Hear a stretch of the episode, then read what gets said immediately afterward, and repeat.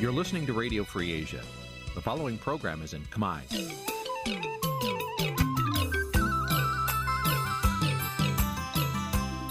Nǐ chi càm bi tiệp xáy vệt chiu a zì sê ray នេះជាកម្មវិធីផ្សាយរបស់ Vithu Azisari ជាភាសាខ្មែរ វត្តឈូអាស៊ីសេរីសូមស្វាគមន៍លោកអ្នកនាងទាំងអស់ពីរដ្ឋធានី Washington នៃសហរដ្ឋអាមេរិក ពីរដ្ឋធានីវ៉ាស៊ីនតោនខ្ញុំបាទសេកបណ្ឌិតសូមជម្រាបសួរអស់លោកអ្នកនាងកញ្ញាទាំងអស់ជាទីមេត្រីខ្ញុំបាទសូមជូនកម្មវិធីផ្សាយសម្រាប់ព្រឹកថ្ងៃពុធ1រោចខែទុតិយាសាទឆ្នាំថោះបញ្ញស័កពុទ្ធសករាជ2567ត្រូវនៅថ្ងៃទី2ខែសីហា គ្រិស្តសករាជ2023បាទជាដំបូងនេះសូមអញ្ជើញអស់លោកអ្នកនាងស្ដាប់ព័ត៌មានប្រចាំថ្ងៃដែលមានមេត្តាដូចតទៅ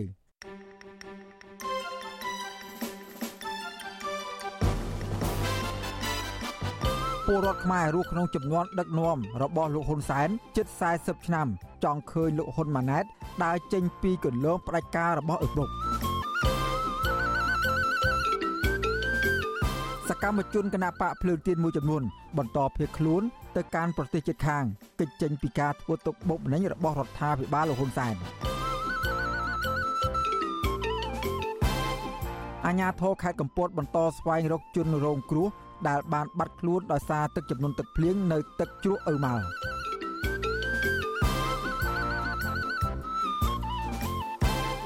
សហគមន៍ខេត្តមណ្ឌលគិរីថាមន្ត្រីបរិស្ថានបើកដៃឲ្យក្រុមឈ្មួញចូលកាប់ឈើក្នុងតំបន់ការពារដោយសេរីរួមនឹងព័ត៌មានសំខាន់សំខាន់មួយចំនួនទៀត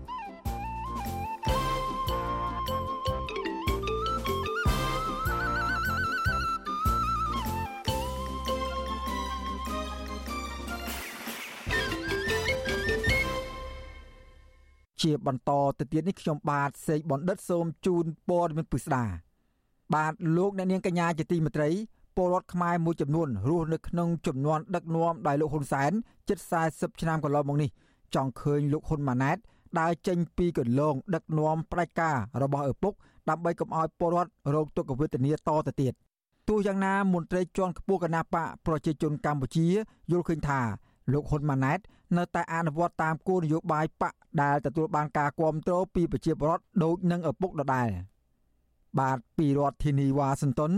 លោកយ៉ងច័ន្ទរារាយការណ៍អំពីព័ត៌មាននេះប្រជាពលរដ្ឋមួយចំនួនលើកឡើងថាបើទោះបីជាលោកហ៊ុនសែនគឺជានាយករដ្ឋមន្ត្រីដែលកាន់អំណាចយូរជាងគេនៅលើពិភពលោកក៏ដោយក៏ពួកគាត់ចាត់ទុកថាបទពិសោធន៍ធ្វើជានាយករដ្ឋមន្ត្រីនេះมันបានបន្សល់កិត្តិយសសម្រាប់មនុស្សចំនួនក្រោយធ្វើជាគំរូនោះទេ ជាពិសេសកូនប្រុសរបស់លោក ដែលត្រៀមស្នងតំណែងនាពេលខាងមុខនេះប្រជាពលរដ្ឋរស់នៅខេត្តសៀមរាបវ័យ70ឆ្នាំលោកយាយឿនប្រាប់វិទ្យុអាស៊ីសេរីនៅថ្ងៃទី1ខែសីហាថាលោកធ្លាប់បម្រើការងារឲ្យរដ្ឋអំណាចសម័យសាធារណរដ្ឋប្រជាមានិតកម្ពុជាលោកឲ្យដឹងថានៅឆ្នាំ1985លោកហ៊ុនសែនចាប់ផ្ដើមឡើងកាន់តំណែងជានាយករដ្ឋមន្ត្រីដោយសារតែការលើកបន្ទប់ដូចគ្នាទៅនឹងកូនប្រុសរបស់លោកគឺលោកហ៊ុនម៉ាណែត ដែលធ្វើឲ្យប្រជាពលរដ្ឋខ្មែរទូទៅមិនពេញចិត្តនោះទេទើបប្រជាពលរដ្ឋបោះឆ្នោតទម្លាក់លោកហ៊ុនសែននៅឆ្នាំ1993ក្រោយកម្ពុជាមានកិច្ចព្រមព្រៀងសន្តិភាពទីក្រុងប៉ារីសឆ្នាំ1991លោកយាយយឿនថ្លែងថាការដែលលោកហ៊ុនសែនអាចដឹកនាំបាន4ទសវត្សរ៍មកនេះ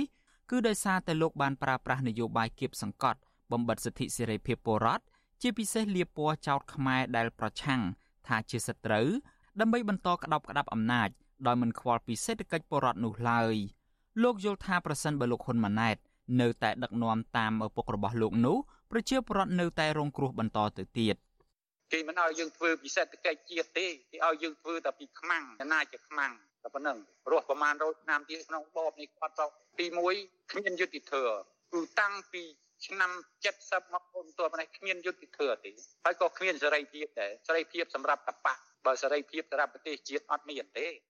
ស្រដៀងគ្នានេះដែរពលរដ្ឋម្នាក់ទៀតរស់នៅរាជធានីភ្នំពេញលោកធុនចន្ទថាថ្លែងថាលោកឆ្លងកាត់របបដឹកនាំរបស់លោកហ៊ុនសែនរយៈពេលជិត40ឆ្នាំមកនេះលើតែពាក្យបាញ់បោះគំរាមកំហែងចាប់មនុស្សស្លូតត្រង់ដាក់ពន្ធនាគារនិងបំបិទសិទ្ធិសេរីភាពប្រជាពលរដ្ឋគ្មានការថមថយនោះទេលោកបន្តថាលោកហ៊ុនសែនកាន់អំណាចយូរពលរដ្ឋកាន់តែរងអំពើអយុត្តិធម៌ហើយមនុស្សរាប់លាននាក់អត់ការងារធ្វើ ត្រូវបង្ខំចិត្តធ្វើចំណាក់ស្រុកទៅធ្វើការនៅប្រទេសជិតខាងដោយសារតែជីវភាពក្រីក្រ លោកចង់ឃើញលោកហ៊ុនម៉ាណែតក្លាយជាមេដឹកនាំល្អតែក្តីសង្ឃឹមនេះអាចនឹងពិបាកដោយសារតែក្រោមការដឹកនាំរបស់លោកហ៊ុនម៉ាណែតនៅពេលខាងមុខទំនងជាមានការរំលោភសិទ្ធិមនុស្សនិងប្រជាធិបតេយ្យដោយទៅនឹងការដឹកនាំរបស់លោកហ៊ុនសែនដែរពីព្រោះតែអ្វីៗគ្រប់យ៉ាងគឺលោកហ៊ុនសែនជាអ្នកនៅបញ្ជាពីក្រោយដដែល។ អ្វីដែលខ្ញុំឆ្លងកាត់ពីសម័យសាធារណរដ្ឋរហូតដល់មករដ្ឋកម្ពុជាខ្លាយទៅជាព្រះរាជាណាចក្រកម្ពុជាក្នុងការដឹកនាំរបស់ហ៊ុនសែនហ្នឹងវាគ្មានអីដែលឲ្យរីកចម្រើនដល់ប្រជាពលរដ្ឋទេបន្តពីឪដល់កូនទៀតគឺឪរបៀបម៉េចកូនរបៀបហ្នឹងហើយគេហៅថាជនផ្ដាច់ការពីលនៅតែពីលេទោះជាកែរបៀបម៉េចក៏កែអត់កែដែរព្រោះដោយសារដឹកនាំគ្មានលទ្ធិប្រជាធិបតេយ្យ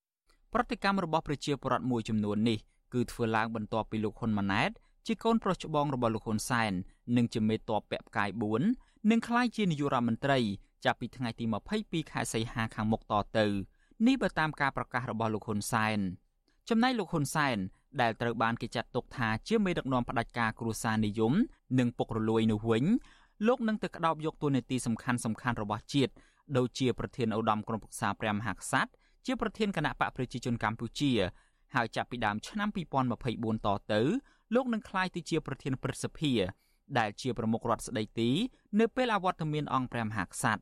ឆ្លើយតបរឿងនេះអ្នកនាំពាក្យគណៈបកប្រជាជនកម្ពុជាលោកសុកអេសាន លើកឡើងថា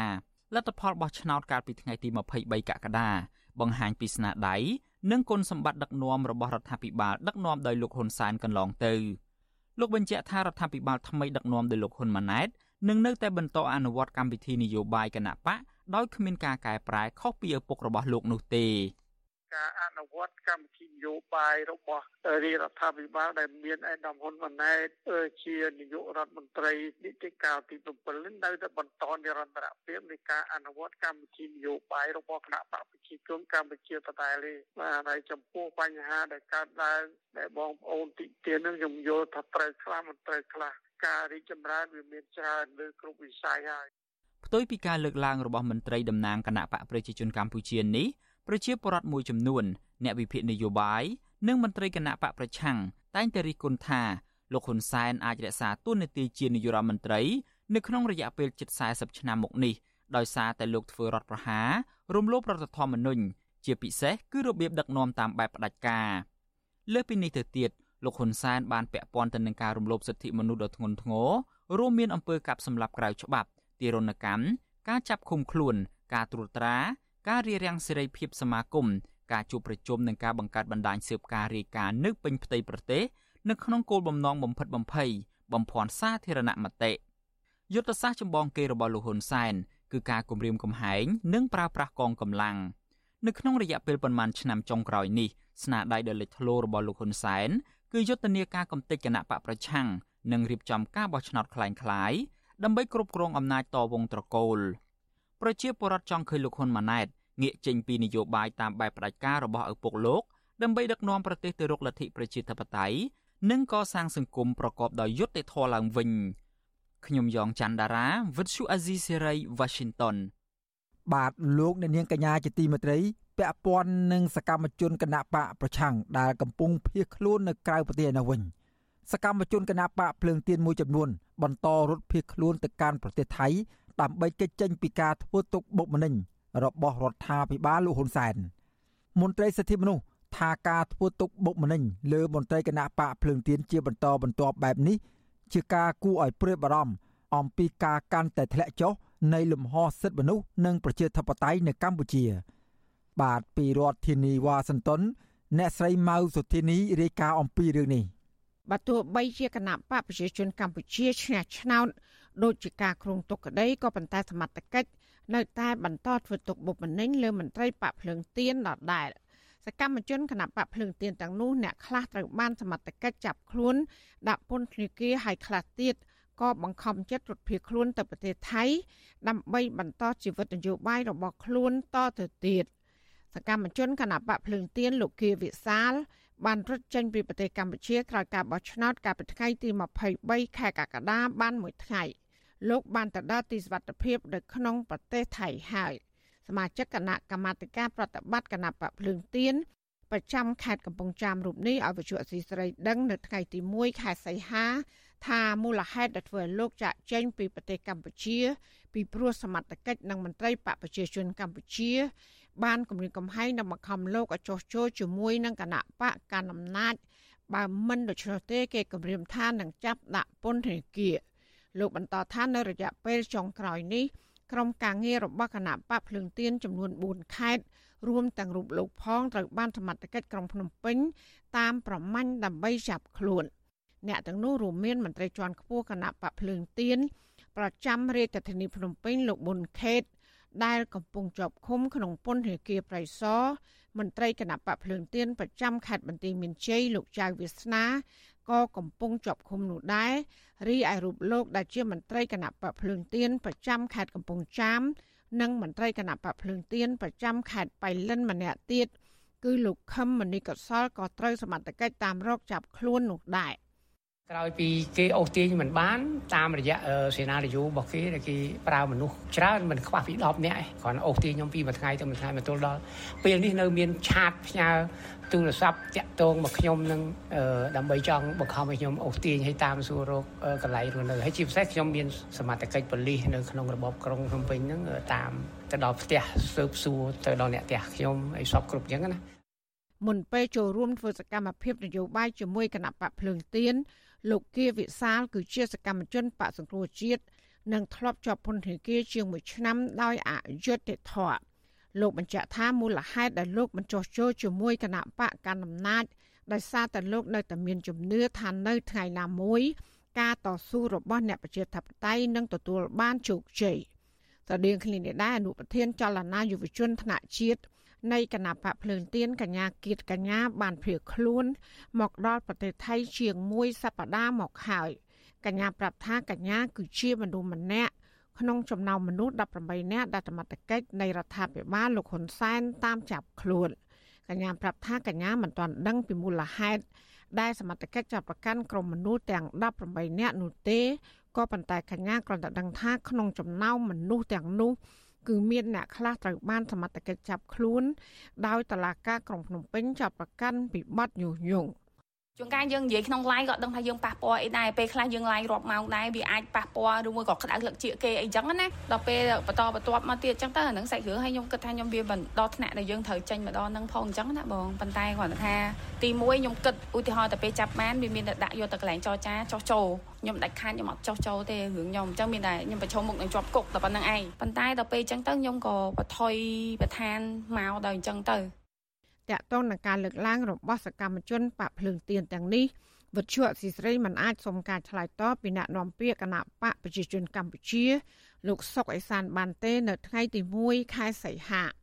ទោះយ៉ាងណាមន្ត្រីបកកាន់អំណាចរូបនេះធ្លាប់អះអាងថាសកម្មជនបកប្រឆាំងដែលរត់គេចទាំងនោះដោយសារពួកគេបានប្រព្រឹត្តល្មើសច្បាប់ទៅមិនហ៊ានរស់នៅក្នុងប្រទេសកម្ពុជាបន្តទៀត។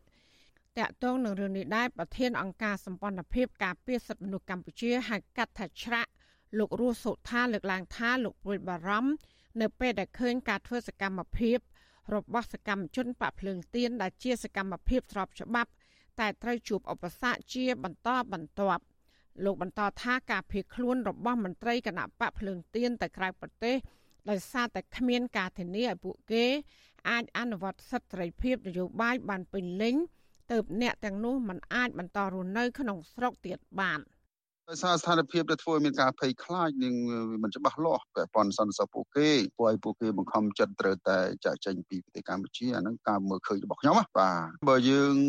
មានការធានានៅការអនុវត្តសិទ្ធិនយោបាយពេញលេញស្មើភាពគ្នានិងមានយុត្តិធម៌មានអនាគតរត់ទេជុំវិញរឿងនេះអនុប្រធានគណៈបកភ្លើងទៀនលោករងឈុនសង្កេតឃើញថាសកម្មជនរបស់លោក នៅតែបន្តរងការធ្វើទុកបុកម្នេញពីសំណាក់ក្រុមអាជ្ញាធរដដែលដដែលលោកយល់ថាទង្វើបែបនេះគួរតែបញ្ឈប់ដោយសារតែអ្នកទាំងនោះធ្វើសកម្មភាពស្របច្បាប់ លោកបន្តថាទង្វើបែបនេះនឹងធ្វើឲ្យសហគមន៍អន្តរជាតិរិះគន់ឬក៏ថ្កោលទោសលើអាជ្ញាធររបស់រដ្ឋាភិបាលកាន់តែខ្លាំង។យើងដឹងហើយប្រទេសអឺរ៉ុបក៏ដូចជាសហរដ្ឋអាមេរិកហើយនិងបណ្ដាប្រទេសដែលគេប្រកាន់ប្រជាធិបតេយ្យហ្នឹង ភាគច្រើនសិតតែទីផ្សារធំធំរបស់កម្ពុជាយើងនៅពេលដែលគេមិនសប្បាយចិត្តគេនឹងកាត់បន្ថែមទៅលើ EBA គេមិនបន្ត GSP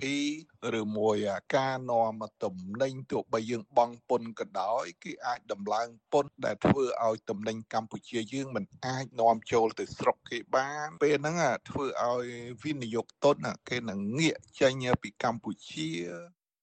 លោករងឈុនឲ្យដឹងទៀតថាចាប់តាំងពីក្រោយការបោះឆ្នោត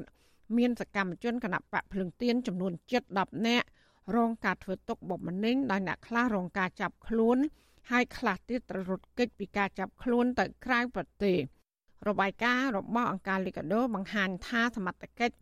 នៃរដ្ឋាភិបាលលោកហ៊ុនសែនបានឃុំខ្លួនអ្នកទោសមនសការចំនួន53នាក់ដាក់ពន្ធនាគារក្នុងនោះ មានអ្នកនយោបាយចំនួន25នាក់ សកម្មជនដីធ្លី27នាក់និងមន្ត្រីសហជីពម្នាក់អនុប្រធានគណៈបកភ្លើងទៀនលោករងឈុនចង់ឃើញរដ្ឋាភិបាលលោកហ៊ុនសែនបើកលំហត្រីភាពនយោបាយឡើងវិញលោកថានៅពេលនេះសំបីរដ្ឋាភិបាលយោធាភូមាក៏គេបន្ធូរបន្ថយការដាក់ទោសលើអ្នកនយោបាយប្រជាធិបតេយ្យអ្នកស្រីអង្សានសុជីនោះដែរដូច្នេះរដ្ឋាភិបាលលោកហ៊ុនសែន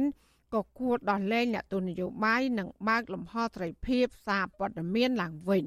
ចាននាងខ្ញុំម៉ៅសុធានីវិទ្យុអសីស្រីប្រធានាធិបតី Washington បាទលោកអ្នកនាងកញ្ញាជាទីមេត្រីឥឡូវនេះយើងក៏លេចទៅមើលស្ថានភាពពលរដ្ឋដែលកំពុងរស់នៅនិងធ្វើការនៅក្នុងប្រទេសថៃឯនេះវិញពលករខ្មែរមួយចំនួនធ្វើការងារនៅក្នុងប្រទេសថៃធ្វើយុទ្ធនាការមិនគ្រប់គ្រងកូនប្រុសច្បងរបស់លោកហ៊ុនសែនគឺលោកហ៊ុនម៉ាណែត ធ្វើជានាយករដ្ឋមន្ត្រី ក្នុងរដ្ឋាភិបាលថ្មីទេ ពួកគេយល់ថាលោកហ៊ុនម៉ាណែតនឹងដឹកនាំប្រទេសតាមគន្លងរបស់ឪពុកដដែលដែលរំលោភសិទ្ធិមនុស្សធ្ងន់ធ្ងរនៅកម្ពុជាប៉ុន្តែអ្នកនាំពាក្យគណៈបកប្រជាជនកម្ពុជា ថាលោកហ៊ុនម៉ាណែតស័កសមធ្វើជានាយករដ្ឋមន្ត្រី បាទពីរដ្ឋធានីវ៉ាស៊ីនតោនលោកទីនសាការីយ៉ារាយការណ៍ជុំវិញព័ត៌មាននេះក្រុមពលករខ្មែរប្រមាណជា20នាក់បានធ្វើយុទ្ធនាការនេះនៅទីក្រុងបាងកក ពួកគេស្រែកព្រមព្រមគ្នាថា ប្រឆាំងដាច់ខាត ការផ្ទេរអំណាចតពូជនៅកម្ពុជា ហើយបង្ហោះរូបថតការជួបជុំគ្នាតាមបណ្ដាញសង្គម Facebook តាំងពីថ្ងៃទី30កក្កដាជាបន្តបន្ទាប់មកក្រមប្រជាពលរដ្ឋយល់ឃើញថាបើសិនជាកូនប្រុសច្បងលហ៊ុនសែនដឹកនាំក្បាលម៉ាស៊ីនរដ្ឋាភិបាលដែលកើតចេញពីការបោះឆ្នោតខ្លាំងៗនោះនឹងធ្វើឲ្យបរិវត្តរស់នៅគ្មានសិទ្ធិសេរីភាពពេញលេញនិងជីវភាពរស់នៅកាន់តែលំបាកតំណាងកម្មករធ្វើការនៅទីក្រុងបាងកក លោកឆនសុខឿនប្រាប់វិទ្យុអាស៊ីសេរីកាលពីថ្ងៃទី1សីហាថាលោកហ៊ុនម៉ាណែតគ្មានសមត្ថភាពដឹកនាំប្រទេសនោះទេពីព្រោះលោកគ្មានស្នាដៃជួយដល់សង្គមជាតិជាដុំកំភួននោះឡើយជាពិសេសមិនដែលជួយដល់ប្រជាពលរដ្ឋមានបញ្ហាផ្សេងផ្សេងដែលតវ៉ាទាមទារឲ្យអាជ្ញាធរដោះស្រាយកន្លងមកនោះទេ បន្ថែមពីនេះលោកថាបេក្ខជននាយករដ្ឋមន្ត្រីបន្តពូជរបស់លោកហ៊ុនសែននេះមិនដែលជួយអន្តរាគមន៍ដល់ប្រជាពលរដ្ឋខ្មែរនៅក្រៅប្រទេសជាពិសេសពលករនៅប្រទេសថៃ ដែលត្រូវបានអាជ្ញាធរចាប់ដាក់គុកនិងថកែរំលោភបំពានសិទ្ធិសេរីភាពជាដើមយើងប្រឆាំងព្រោះអីយើងឃើញថាលោកហ៊ុនម៉ាណែតនេះជាមនុស្សគូខើមិនទាន់នឹងបានអីផងគឺចាប់ប្រជាពលរដ្ឋដែលគ្រាន់តែការរិះគន់តាមបណ្ដាញសង្គមអានេះវាមិនសមជាអ្នកដឹកនាំដែលមានសិលធម៌គុណធម៌មេត្តាធម៌ទេបាទឆ្លើយតបនឹងបញ្ហានេះអ្នកនាំពាក្យគណៈបកប្រជាជនកម្ពុជាលោកសុកអេសានអះអាងថាលោកហ៊ុនម៉ាណែតមានសមត្ថភាពគ្រប់គ្រាន់ក្នុងការដឹកនាំប្រទេស លោកសុកអេសានបញ្ជាក់ថាសកម្មភាពរបស់ក្រុមពលករទាំងនោះមិនអាចរារាំងដល់ដំណើរការឡើងកាន់អំណាចនាយករដ្ឋមន្ត្រីរបស់លោកហ៊ុនម៉ាណែតនៅពេលខាងមុខនោះទេ អញ្ចឹងអានឹងគាត់ថាបានថាទេវាអត់មានអត់មានអធិពលអត់មានលំមាស់អីទៅដល់គណៈបកប្រជាជនកម្ពុជាដែលកំពុងទទួលជោគជ័យយ៉ាងកញ្ចក់កញ្ចង់ធ្លុកទឹកធ្លុកដីនោះទេវាអត់ប្រយោជន៍ទេអានឹងឲ្យគាត់ធ្វើតទៅទៀតទៅអានឹងវាឆ្លុះបញ្ចាំងថាសង្គមឲ្យគាត់មានសិទ្ធិសេរីភាពពេញលេញក៏ប៉ុន្តែគាត់មានសិទ្ធិសេរីភាពតែក្រៅប្រទេសទេបើក្នុងប្រទេសគាត់មិនហ៊ានទេទោះបីជាអ្នកដំពាកគណៈបកកណ្ដាលអំណាចរំនេះខំប្រឹងនិយាយការពារលហ៊ុនម៉ាណែតបែបនេះក្តីក៏នេះវិភាគកាន់តែមើលឃើញថា លោកហ៊ុនម៉ាណែតគ្មានសមត្ថភាពដឹកនាំប្រទេសនោះឡើយនិវិភាននយោបាយលោកកឹមសុខគាំទ្រយុទ្ធនាការរបស់ក្រុមពលករលោកថាអ្វីបើលោកហ៊ុនម៉ាណែត បានរៀនសូត្រពីក្រៅប្រទេសក៏ដោយក៏ប៉ុន្តែលោកនៅតែជាមនុស្សកោងកាចមិនខុសពីឪពុកគឺលោកហ៊ុនសែននោះឡើយ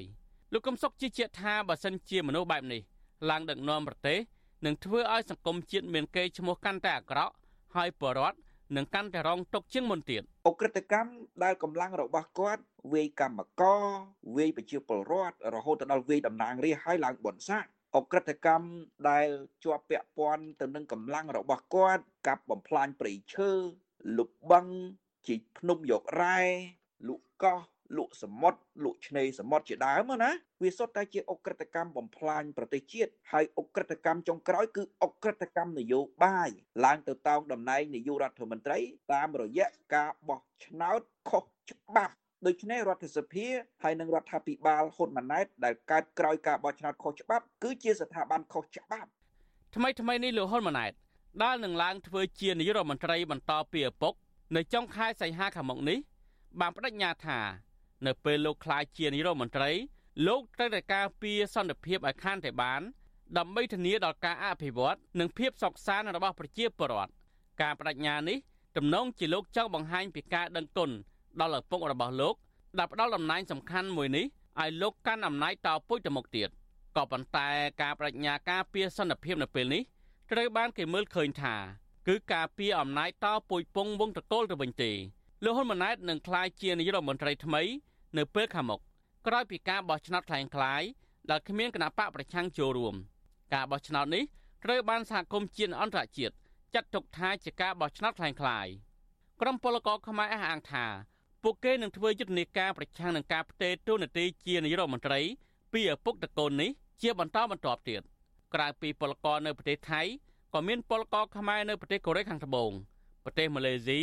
ក៏ក្រុងនឹងធ្វើបាតកម្មប្រឆាំងនឹងលោកហ៊ុនម៉ាណែតក្នុងការឡើងកាន់តួនាទីជានាយករដ្ឋមន្ត្រីតពូជនេះដែរខ្ញុំបាទទីនសាការីយ៉ាអស៊ីសេរីពីរដ្ឋធានី Washington បាទលោកនាងកញ្ញាជាទីមេត្រីចំណែកសេចក្តីរាយការណ៍ពីដែនដីសណ្ដកម្ពុជាក្រោមឯនោះវិញលេខាធិការដ្ឋាននៃអង្គការសមាគមខ្មែរកម្ពុជាក្រោមទាមទារឲ្យអាជ្ញាធរវៀតណាមដោះលែងសកម្មជនសិទ្ធិមនុស្សខ្មែរក្រោមទាំង3នាក់ទៀត ដែលត្រូវបានអាជ្ញាធរវៀតណាមចាប់ឃុំខ្លួនកាលពីថ្ងៃទី31ខែកក្កដាឲ្យមានសេរីភាពមកវិញជាបន្ទាន់សកម្មជនសិទ្ធិមនុស្សខ្មែរកម្ពុជាក្រោមអះអាងថាការចោទប្រកាន់ពីសំណាក់តុលាការវៀតណាម ចំពោះសកម្មភាពផ្សព្វផ្សាយពីសិទ្ធិជនជាតិដើមនៅកម្ពុជាក្រោមគឺជាការរំលោភសិទ្ធិមនុស្សលេខាធិការដ្ឋាននៃអង្គការសមាគមខ្មែរកម្ពុជាក្រោមចេញសេចក្តីថ្លែងការណ៍នៅថ្ងៃទី1ខែសីហាទាមទារឲ្យរដ្ឋាភិបាលវៀតណាមត្រូវដោះលែងពលរដ្ឋខ្មែរក្រោមឲ្យមានសេរីភាពនិងបញ្ឈប់រាល់ការរឹតបន្តឹងសេរីភាពរបស់ខ្មែរកម្ពុជាក្រោមជាបន្ទាន់សេចក្តីថ្លែងការណ៍នេះធ្វើឡើងបន្ទាប់ពីអាញាធរវៀតណាមបានឃាត់ខ្លួននិងគំរាមកំហែងសកម្មជនសិទ្ធិមនុស្សខ្មែរក្រោមចំនួន9នាក់កាលពីថ្ងៃទី31ខែកក្កដាក្រោយពីចោទប្រកាន់ពីបទកេងចំណេញលើសិទ្ធិសេរីភាព និងលទ្ធិប្រជាធិបតេយ្យបំពានលើផលប្រយោជន៍របស់រដ្ឋនិងសិទ្ធិសេរីភាពស្របច្បាប់ នៃអង្គការចាត់តាំងនិងបកគលតាមមាត្រា331នៃក្រមព្រហ្មទណ្ឌរបស់ប្រទេសវៀតណាមសកម្មជនសិទ្ធិមនុស្សខ្មែរក្រោមទាំងនោះរួមមានលោកថាច់គឿងលោកតោហ្វាងជឿងនិងលោកយ៉ាញ់មិញខ្វាងត្រូវបានអាជ្ញាធរវៀតណាមបន្តឃុំខ្លួននៅស្នងការដ្ឋាននគរបាលខេត្តព្រះត្រពាំងនិងខេត្តឃ្លាំងដោយឡែកអាជ្ញាធរវៀតណាមបានកោះហៅលោកថាច់មឿនឲ្យចូលខ្លួនដើម្បីស៊ើបសួរនៅប៉ុស្តិ៍នគរបាលនៅថ្ងៃទី1ខែសីហា គណៈសកម្មជនសិទ្ធិមនុស្សខ្មែរក្រោម2នាក់ទៀតគឺលោកលឹមវង និងលោកស្រីដិនធីហ្វិន នៅតែមានអាញាធរវៀតណាមតាមឃ្លាំមើលសកម្មភាពយ៉ាងតឹងតែងទោះយ៉ាងណាអាញាធរវៀតណាម បានដោះលែងសកម្មជនសិទ្ធិមនុស្សខ្មែរក្រោមលោកយ៉ាញ់សេត លោកគៀងយ៉ាញ់នីនិងលោកតាំងទ្វីហៅរដ្ឋីឲ្យមានសេរីភាពវិញក្រោយពីខាត់ខ្លួន ដើម្បីស៊ើបសួរពេញមួយថ្ងៃ នៅថ្ងៃទី31ខែកក្កដា ជុំវិញរឿងនេះសកម្មជនសិទ្ធិមនុស្សខ្មែរក្រោមលោកថាច់មឿនប្រាប់បទសុអសីស្រីថាអាញាធរបានចុះមកខាត់ខ្លួនលោកដើម្បីយកទៅសួរនាំកាលពីល្ងាចថ្ងៃទី31ខែកក្កដាក៏ប៉ុន្តែដោយសារគ្មានឯកសារខាត់ខ្លួន និងមានការតវ៉ាពីសាច់ញាតិរបស់លោកជាង20នាក់ផងនោះទើបអាញាធរវៀតណាមបានលើកពេលឲ្យចូលខ្លួនស៊ើបសួរនៅព្រឹកថ្ងៃទី1ខែសីហាវិញ លោកបន្ថែមថាការកោះហៅឲ្យលោកឆ្លើយបំភ្លឺ ជុំវិញការចែកចាយសៀវភៅស្ដីពីសិទ្ធិជនជាតិដើមភាគតិចពីសំណាក់អាជ្ញាធរវៀតណាមនេះគឺជាការគំរាមកំហែងបំបិទសិទ្ធិសេរីភាពខ្មែរក្រោមមួយកម្រិតទៀតខណៈខ្មែរក្រោមនៅតែរងការរើសអើងពីសំណាក់អាជ្ញាធរវៀតណាមនៅកន្លែងការងារមួយចំនួនសូមអំពាវនាវដល់អាជ្ញាធរវៀតណាមនឹងបើកនៅច្បាប់ជាលំហទៅកុំធ្វើបំផិតបំភ័យ គម្រាមកំហែងទៀតខុសច្បាប់ធ្ងន់ធ្ងរណាស់ទោះយ៉ាងណាលោកថាច់មឿនលើកឡើងថាអាញាធរមិនបានបញ្ជូនលោកទៅតុលាការនោះឡើយដោយពួកគេគ្រាន់តែសំណុំពរឲ្យលោកបញ្ឈប់ការផ្សព្វផ្សាយពីសិទ្ធិជនជាតិដើមភាគតិចតែប៉ុណ្ណោះជុំវិញរឿងនេះដែរបងថ្លៃរបស់លោកតោហ្វាងជឿងគឺលោកចៅអិនតាំប្រាប់វិទ្យុអាស៊ីសេរីថាគ្រួសាររបស់លោកនៅមិនទាន់ទទួលបានដំណឹងពីលោកតោហ្វាងជឿងនៅឡើយទេ តាំងពីអាញាធរវៀតណាមឃាត់ខ្លួននៅព្រឹកថ្ងៃទី31ខែកក្កដានោះមកលោកបន្ថែមថាមូលហេតុដែលគ្រួសាររបស់លោក នៅតែបន្តផ្សព្វផ្សាយអំពីសិទ្ធិជនជាតិដើមភាគតិចនេះព្រោះក្រុមហ៊ុនមួយចំនួន នៅតែរើសអើងខ្មែរក្រោមនៅកន្លែងធ្វើការដោយក្រុមហ៊ុនទាំងនោះតែងតែកាត់ប្រាក់អត្ថប្រយោជន៍ផ្សេងផ្សេងនៅពេលខ្មែរក្រោមសូមច្បាប់ឈប់សម្រាកលោកចៅអិនតាំបញ្ជាក់ចំហរបស់លោកថាបើទោះបីជាគ្មានមេធាវីនៅចាំការពារ ហើយអាជ្ញាធរវៀតណាមនៅតែគម្រាមកំហែងមិនចង់ឲ្យខ្មែរក្រោមទាមទារឲ្យមានការគោរពសិទ្ធិស្មើគ្នាក្តីក៏លោកនិងសកម្មជនសិទ្ធិមនុស្សខ្មែរក្រោមដទៃទៀតនឹងនៅតែបន្តសកម្មភាពផ្សព្វផ្សាយសិទ្ធិជនជាតិដើមភាគតិចព្រោះនេះគឺជាសិទ្ធិរបស់ខ្មែរក្រោម។ ជាមិនមែនប្អូនខ្ញុំហ្នឹងទៅស្នើសុំឲ្យមន្ត្រីអង្គការសហជីវជាតិជាអ្នកទិញច្បាប់ហ្នឹងទេច្បាប់នេះច្បាប់អន្តរជាតិឯវៀតណាមជាអ្នកទទួលស្គាល់ខ្លួនឯងហើយចុះហេតុអីអ្នកឯងអ្នកជំនាញទទួលស្គាល់មិនបានមានកំហុសបែរជាមកខុសតែប្អូនខ្ញុំជាអ្នកប្រសពប្រស័យបន្តឲ្យបងប្អូនបានចូលបានដឹកបែរជាខ្លាចជាអ្នកទង់សុភីក្រោយការចាប់ខ្លួននគរបាលវៀតណាមបានបញ្ជូនសកម្មជនខ្មែរក្រោមលោកតោហ្វាងជឿងនិងលោកថៃគឿងយកទៅឃុំខ្លួនបណ្ដោះអាសន្ននៅមន្ទីរឃុំឃាំងនៃស្នងការដ្ឋាននគរបាលខេត្តព្រះត្រពាំង ចំណែកសកម្មជនខ្មែរក្រោមលោកយ៉ាញ់មិញខ្វាងត្រូវបានយកទៅឃុំខ្លួននៅស្នងការដ្ឋាននគរបាលខេត្តឃ្លាំងក្រៅតែពីទាមទារឲ្យរដ្ឋាភិបាលវៀតណាមដោះលែងសកម្មជនទាំង3នាក់ឲ្យមានសេរីភាពមកវិញលេខាធិការដ្ឋាននៃអង្គការសមាគមខ្មែរកម្ពុជាក្រោមលើកឡើងថាមាត្រា331នៃក្រមព្រហ្មទណ្ឌរបស់រដ្ឋាភិបាលវៀតណាមគឺមានលក្ខណៈរដ្ឋបិទសិទ្ធិសេរីភាពនិងផ្ទុយពីគោលការណ៍សិទ្ធិមនុស្សហើយរដ្ឋាភិបាលវៀតណាមត្រូវតែកែតម្រូវមាត្រានេះ ឲ្យស្របទៅតាមរដ្ឋធម្មនុញ្ញរបស់អង្គការសហប្រជាជាតិជាមួយគ្នានេះដែរអង្គការសមាគមខ្មែរកម្ពុជាក្រោមក៏អំពាវនាវឲ្យអង្គទូតនានាប្រចាំនៅប្រទេសវៀតណាមអង្គការជាតិនិងអន្តរជាតិតាមដានការគម្រាមកំហែងរបស់អាជ្ញាធរវៀតណាមមកលើសកម្មជនសិទ្ធិមនុស្សខ្មែរក្រោមដើម្បីការពារសិទ្ធិនិងយុត្តិធម៌ចំពោះពួកគេ។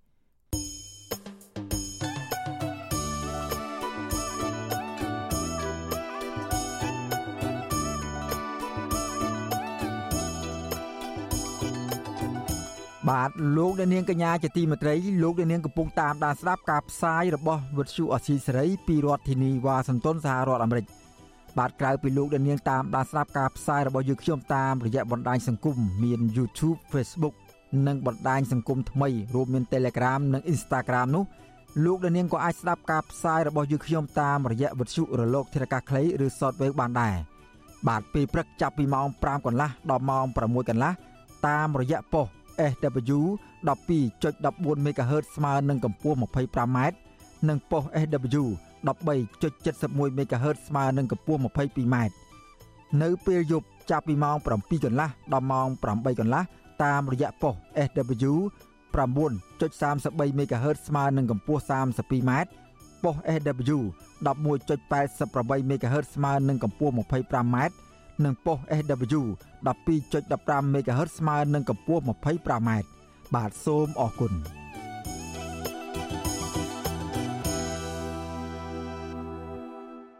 បាទលោកអ្នកនាងកញ្ញាជាទីមេត្រីលោកអ្នកនាងកំពុងតាមដានស្ដាប់ការផ្សាយរបស់វិទ្យុអាស៊ីសេរីពីរដ្ឋធានីវ៉ាស៊ីនតោនសហរដ្ឋអាមេរិកអាជ្ញាធរខេត្តកោះកុងប្រើប្រាស់ប្រព័ន្ធតុលាការដោះស្រាយវិវាទដីធ្លីខ្វះតម្លាភាព កំពុងបង្កផលប៉ះពាល់ធ្ងន់ធ្ងរដល់ជីវភាពរស់នៅរបស់ប្រជាពលរដ្ឋក្រៅពីធ្លាក់ខ្លួនក្រីក្រដោយសារបាត់បង់ដីធ្លីអាស្រ័យផលប្រជាពលរដ្ឋខ្លះត្រូវបានតុលាការចោទប្រកាន់និងចាប់ឃុំខ្លួននៅក្នុងពន្ធនាគារមន្ត្រីសង្គមស៊ីវិលនិងប្រជាពលរដ្ឋថាតុលាការកំពុងដោះស្រាយបញ្ហាដីធ្លីពុំមានតម្លាភាពដែលបង្កភាពអយុត្តិធម៌ដល់ពលរដ្ឋបាទលោកនាងនឹងបានស្ដាប់សេចក្តីរាយការណ៍ពិស្ដារអំពីរឿងនេះនាពេលបន្តិចទៀត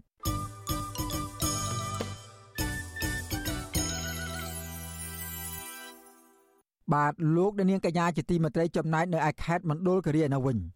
ប្រជាសហគមន៍នៅខេត្តមណ្ឌលគិរីអះអាងថាក្រោយពីការបោះឆ្នោតរួចមកមន្ត្រីបរិស្ថានបើកដៃឲ្យក្រុមឈ្មួញចូលកាប់ឈើនៅក្នុងដែនជម្រកសត្វព្រៃភ្នំព្រិចដោយសេរីរីឯមន្ត្រីសង្គមស៊ីវិលថាអាញាធរនៅមូលដ្ឋានមិនមានសមត្ថភាពទប់ស្កាត់រឿងនោះទេហើយអាញាធរថ្នាក់ជាតិគួរចុះសិក្សាស្រាវជ្រាវស្វែងរកអ្នកពាក់ព័ន្ធយកបំផ្ដន់ទោសទៅតាមច្បាប់ បាទពីរដ្ឋធានីវ៉ាស៊ីនតោនលោកនៅវណ្ណរិនរាយការណ៍អំពីរឿងនេះប្រជាសហគមន៍រស់នៅក្នុងឃុំចុងផ្លាស់ស្រុកកៅសីមាខេត្តមណ្ឌលគិរីអះអាងថាក្រោយការបោះឆ្នោតជ្រើសតាំងតំណាងរាក្រុមឈ្មួញបាននាំគ្នាចូលកាប់ឈើនៅក្នុងដែនជម្រកសត្វព្រៃភ្នំព្រិចតាមច្រកចុងផ្លាស់ដោយសេរីនិងគ្មានការទប់ស្កាត់ពីសមត្ថកិច្ចនោះទេបើទោះជាមានមន្ត្រីជំនាញឈរជើងយាមនៅទីនោះក៏ដោយ ប្រជាសហគមន៍ថាការមិនទប់ស្កាត់បទល្មើសព្រៃឈើរបស់មន្ត្រីជំនាញបណ្ដាលមកពីក្រមមន្ត្រីទាំងនោះបានខົບខិតគ្នាជាមួយក្រុមឈ្មួញទើបបណ្ដាលឲ្យមានការកាប់និងដឹកជញ្ជូនឈើដោយសេរីបែបនេះតំណាងសហគមន៍ជនជាតិដើមភាគតិចភ្នងនៅឃុំចុងផ្លាស់លោកសាំងសេរីប្រាប់វិទ្យុអាស៊ីសេរីនៅថ្ងៃទី1ខែសីហាថាសកម្មភាពកាប់និងដឹកជញ្ជូនឈើកើតឡើងវិញនៅតំបន់ព្រៃការពារក្រោយពីការបោះឆ្នោតរួច លោកថាក្រុមឈ្មួញទាំងនោះបានកាប់និងដឹកឈើចេញពីព្រៃដោយសេរីដោយសារតែមន្ត្រីបរិស្ថានបើកផ្លូវឲ្យលោកអះអាងថាក្រុមឈ្មួញបានយករថយន្តកែច្នៃគោយន្តនិងម៉ូតូជាមធ្យោបាយដើម្បីកាប់និងដឹកជញ្ជូនឈើចេញពីដែនជម្រកសត្វព្រៃភ្នំព្រិចឆ្លងកាត់តាមមុខទីស្នាក់ការបរិស្ថានឃុំចុងផ្លាស់ស្ទើរតែរាល់ថ្ងៃក៏ប៉ុន្តែមន្ត្រីបរិស្ថានមិនបានទប់ស្កាត់នោះឡើយ។ បើកដៃឲ្យគេធ្វើអញ្ចឹងគាត់ស៊ីខែគេណាឥឡូវមិញខាងប៉ាឋានចូលទៅតាមរោមសិនដើរយកលុយគេហើយចេញទៅខាងក្រៅខាងព្រៃនោះទៅចាំមួយកន្លែងចាំតាក់យកលុយគេមកគេដឹកឈើមកគាត់យកលុយគេបើមកថាឥឡូវសិនតែបងគាត់ហើយក្នុងមួយខែ100ខែ100យើងដឹកឈើមកក្នុងឈើក្នុងមកម៉ូតូគាត់យក30000ទៀតអញ្ចឹងណាបាទហើយបើសិនអ្នកអត់ប្រាប់គាត់ក៏ដេញចាប់យកម៉ូតូយកទៅម៉ាស៊ីនយកទៅដាក់កន្លែងទីស្នាក់ការមក តំណាងសហគមន៍ដដែលក៏ទទូចឲ្យរដ្ឋាភិបាលថ្មី ដាក់វិធានការឲ្យមន្ត្រីថ្នាក់ក្រោមទាំងអស់ទប់ស្កាត់បទល្មើសព្រៃឈើទាំងនោះជាបន្ទាន់បើពុំដូច្នោះទេព្រៃឈើនៅក្នុងដែនជម្រកសត្វព្រៃភ្នំព្រិចនឹងរងវិនាសកម្មជាក់ជាមិនខានក្រៅពីនោះលោកក៏ស្នើឲ្យរដ្ឋាភិបាលថ្មីត្រូវចាត់វិធានការធ្ងន់ធ្ងរដល់មន្ត្រីដែលខົບខិតជាមួយនឹងក្រុមឈ្មួញផងដែរទើបអាចទប់ស្កាត់បទល្មើសព្រៃឈើទាំងនេះមានប្រសិទ្ធភាព វិទ្យុអាស៊ីសេរីមិនអាចតាក់ទងប្រធានបរិស្ថានខេត្តមណ្ឌលគិរីលោកឆៅប៊ុនធឿនបាននៅឡើយនោះទេនៅថ្ងៃទី1ខែសីហានេះដោយទូរស័ព្ទចូល តែគ្មានអ្នកទទួលជុំវិញរឿងនេះមន្ត្រីសម្របសម្រួលសមាគមអាត6ប្រចាំខេត្តមណ្ឌលគិរីលោកប៊ីវ៉ានីសង្កេតឃើញថាការកាប់និងដឹកជញ្ជូនឈើពីតំបន់ការពារនៅតែកើតមានឡើងដោយសារតែមន្ត្រីជំនាញបើកដៃឲ្យក្រុមឈ្មួញទាំងនោះ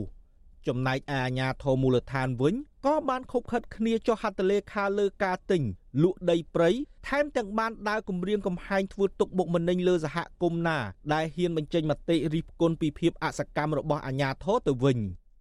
លោកប៊ីវ៉ានីក៏ជំរុញឲ្យអាជ្ញាធរថ្នាក់ជាតិចុះទប់ស្កាត់បញ្ហាទាំងអស់នេះជាបន្ទាន់ហើយត្រូវហ៊ានចាត់វិធានការច្បាប់លើអាជ្ញាធរថ្នាក់ក្រោមជាតិដែលមិនបានអនុវត្តកាតព្វកិច្ចរបស់ខ្លួនឬមិនធ្វើតាមការបញ្ជារបស់នាយករដ្ឋមន្ត្រីហើយខុបខិតជាមួយជនល្មើស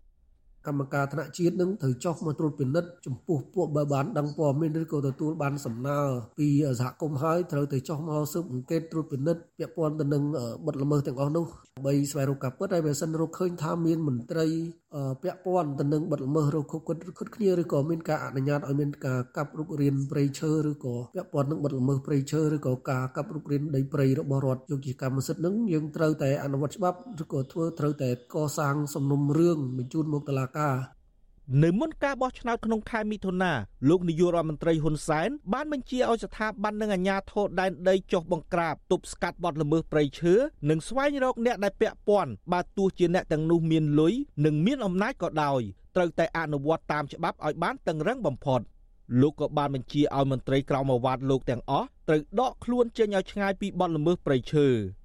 ដែនជំរកសត្វព្រៃភ្នំព្រិចត្រូវបានអតីតព្រះមហាក្សត្រព្រះបរមរតនកោដ្ឋនរោត្តមសីហនុកំណត់ជាដែនតំបន់អភិរក្សតាមព្រះរាជក្រឹត្យចុះខែវិច្ឆិកាឆ្នាំ1993ដែលមានផ្ទៃដីជាង220,000ហិកតាស្ថិតនៅក្នុងស្រុកកោះញែកស្រុកកៅសីមានៃខេត្តមណ្ឌលគិរី និងស្រុកស្នួលខេត្តក្រចេះ កាលពីឆ្នាំ2018ព្រៃអភិរក្សមួយនេះបានរងការកាប់បំផ្លាញយកឈើមានតម្លៃយ៉ាងធ្ងន់ធ្ងរដែលមានក្រុមអង្គការជាច្រើនរូបបង្កើតដេប៉ូអាឈើនៅក្នុងតំបន់នោះនិងមានរោងចក្រអាឈើមូលធំធំដឹកទៅលក់នៅប្រទេសវៀតណាមឆ្លងកាត់ភូមិសាស្ត្រស្រុកស្នួលខេត្តក្រចេះទៀតផងខ្ញុំបាទនៅវណ្ណរិន With Chu Azizi Saray ពីរដ្ឋធានី Washington បាទលោកអ្នកនាងកញ្ញាជាទីមេត្រី សេចក្តីរាយការណ៍ជាបន្តទៅទៀតនេះយើងផ្ដោតទៅលើការបាត់ខ្លួនពលរដ្ឋនៅតំបន់ទឹកជ្រោះអូម៉ាក្នុងខេត្តកំពតបាទអាជ្ញាធរខេត្តកំពតបន្តស្វែងរកជនរងគ្រោះដែលបានបាត់ខ្លួនដោយសារទឹកជំនន់ទឹកភ្លៀងនៅទឹកជ្រោះអ៊ឺម៉ាល់ចំណែកមន្ត្រីអង្គការសង្គមស៊ីវិលថាអាញាធរគួរតែបង្កើនការផ្សព្វផ្សាយពីហានិភ័យជាយថាហេតុនៅតាមតំបន់រូបនីយដ្ឋាននានាដើម្បីឲ្យពលរដ្ឋមានការប្រុងប្រយ័ត្នខ្ពស់បាទពីរដ្ឋធានីវ៉ាស៊ីនតោន លោកយ៉ងច័ន្ទរាមានសេចក្តីរាយការណ៍មួយទៀតជុំវិញព័ត៌មាននេះសកម្មភាពស្វែងរកជនរងគ្រោះដោយសារទឹកជំនន់បានបន្តធ្វើតាំងពីថ្ងៃទី29សីហាក្រោយពីយុវតីម្នាក់ឈ្មោះកែនស្រីរតបានបាត់បង់ជីវិតនិងម្នាក់ទៀតឈ្មោះផនស្រីខួច កំពុងបាត់ខ្លួន ក្រោយពេលមានភ្លៀងនិងខ្យល់បោកបក់ខ្លាំងបណ្ដាលឲ្យកើតជាចំនួនទឹកភ្លៀងនៅតំបន់ទឹកជ្រោះអ៊ៅម៉ាល់ស្ថិតនៅក្នុងឧទ្យានជាតិព្រះមនីវង្សបូកូភូមិស្នំ7 ឃុំម៉ាក់ប្រាំងស្រុកទឹកឈូខេត្តកំពតបន្ទាប់ពីកើតហេតុការណ៍នេះឡើងអាជ្ញាធរបានជួយសង្គ្រោះអ្នកទេសចរចំនួន41នាក់ដែលមិនអាចឆ្លងទឹកជ្រោះទៅរកទីមានសុវត្ថិភាពកាលពីថ្ងៃទី30ខែកក្កដាស្នងការនគរបាលខេត្តកំពត លោកម៉ៅច័ន្ទមេធុរិតនៅព្រឹកថ្ងៃទី1ខែសីហាបង្ហោះសារនៅលើទំព័រ Facebook ថាកម្លាំងសមត្ថកិច្ចនៅតែបន្តស្វែងរកយុវតីដែលបានបាត់ខ្លួនជាបន្តទៀត ទោះជាយ៉ាងណាវិទ្យុអាស៊ីសេរីនៅពុំទាន់អាចតាក់ទងលោកម៉ៅច័ន្ទមុធរិតដើម្បីសុំសួរអំពីបញ្ហានេះបាននៅឡើយទេ នៅថ្ងៃទី1ខែសីហាឪពុកយុវតីដែលបានបាត់ខ្លួនគឺលោកផនចន្ទថាប្រាប់អ្នកសារព័ត៌មានកាលពីល្ងាចថ្ងៃទី29កក្កដាថាអ្នកដែលបានបោះតង់ជាមួយកូនស្រីលោកសុទ្ធតែជាសាច់ញាតិនិងជាអ្នកស្គាល់គ្នាលោកបន្តដោយទឹកមុខសោកសៅថាលោកនឹងមិនត្រឡប់ទៅផ្ទះវិញនោះទេ ប្រសិនបើមិនទាន់អាចស្វែងរកកូនរបស់លោកឃើញនោះខ្ញុំអត់ខឹងកូនទេទុកជាកូនខ្ញុំនិយាយឲ្យស្មាទោសឲ្យអស់ចោះកូនខ្ញុំរស់រៀនមានជីវិតបាក់ដៃបាក់ជើងក៏ដោយក៏ខ្ញុំយកកូនខ្ញុំទៅចិញ្ចឹមដែរបើសិនជាកូនខ្ញុំស្លាប់បាត់បង់ជីវិតក៏ខ្ញុំតស៊ូយកកូនខ្ញុំទៅផ្ទះវិញដែរអត់ឲ្យនេះទេខ្ញុំសុខចិត្តថាយ៉ាងណាក៏ដោយឲ្យតែឃើញកូនខ្ញុំ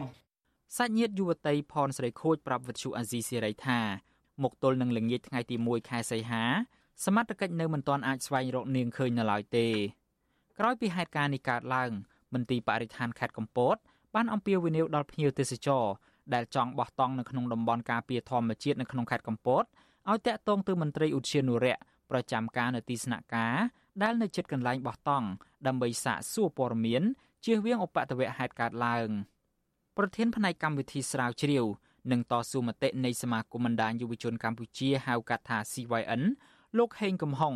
ចូលរួមសោកស្ដាយជាមួយក្រុមគ្រួសារជនរងគ្រោះដែលបានបាត់បង់ជីវិតនៅក្នុងគ្រោះទឹកជំនន់នេះលោកបន្តថាហេតុការណ៍នេះគឺជាការក្រើនរំលឹកដល់អាជ្ញាធរពាក់ព័ន្ធនិងអ្នកគ្រប់គ្រងនៅតំបន់រមណីយដ្ឋានឲ្យមានការប្រុងប្រយ័ត្ននិងបង្កើនការរៀបចំប្រព័ន្ធសុវត្ថិភាពដើម្បីការពារភ្ញៀវទេសចរ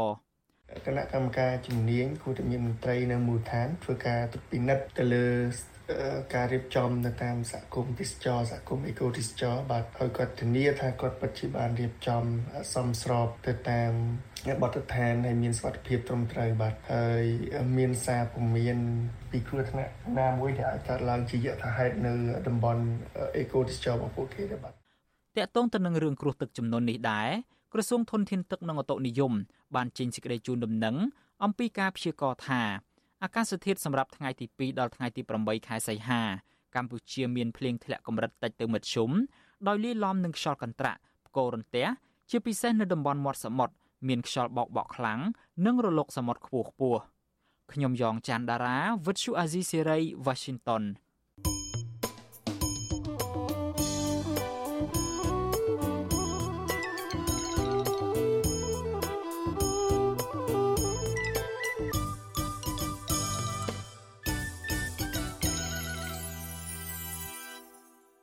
បាទលោកអ្នកនាងកញ្ញាជាទីមេត្រីសេចក្តីរាយការណ៍ពាក់ព័ន្ធនឹងចំនួនដីធ្លីដ៏រ៉ាំរ៉ៃនៅខេត្តកោះកុងឯនោះវិញអាជ្ញាធរខេត្តកោះកុងប្រើប្រាស់ប្រព័ន្ធតុលាការដោះស្រាយវិវាទដីធ្លីខ្វះតម្លាភាពកំពុងបង្កផលប៉ះពាល់ធ្ងន់ធ្ងរដល់ជីវភាពរស់នៅរបស់ប្រជាពលរដ្ឋក្រៅពីធ្លាក់ខ្លួនក្រីក្រដោយសារបាត់បង់ដីធ្លីអាស្រ័យផលពលរដ្ឋខ្លះត្រូវបានតុលាការចោទប្រកាន់និងចាប់ខ្លួនឃុំក្នុងពន្ធនាគារ មន្ត្រីសង្គមស៊ីវិលនិងប្រជាពលរដ្ឋថាតុលាការកំពុងដោះស្រាយបញ្ហាដីធ្លីពុំមានតម្លាភាព ដែលបង្កភាពអយុត្តិធម៌ធ្ងន់ធ្ងរដល់ពលរដ្ឋបាទសូមស្ដាប់សេចក្តីរាយការណ៍ពិស្ដារជុំវិញរឿងនេះរបស់អ្នកស្រីសុជីវីពីរដ្ឋធានីវ៉ាស៊ីនតោនស្ទើរតែពីទសវត្សរ៍មកហើយដែលពលរដ្ឋជាច្រើនគ្រួសារនៅក្នុងខេត្តកោះកុងមានចំនួនដីធ្លីជាមួយក្រុមអ្នកមានលុយមានអំណាចដែលស្និទ្ធនឹងលោកយមត្រីហ៊ុនសែន ពុំបានទទួលយុត្តិធម៌និងដំណោះស្រាយសមរម្យនៅឡើយ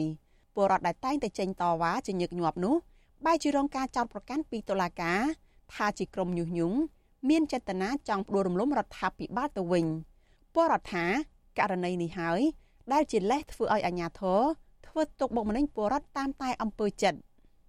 ពលរដ្ឋរស់នៅស្រុកស្រែអំបិលស្រុកបទុមសាគរនិងស្រុកថ្មបាំងនៅក្នុងខេត្តកោះកុង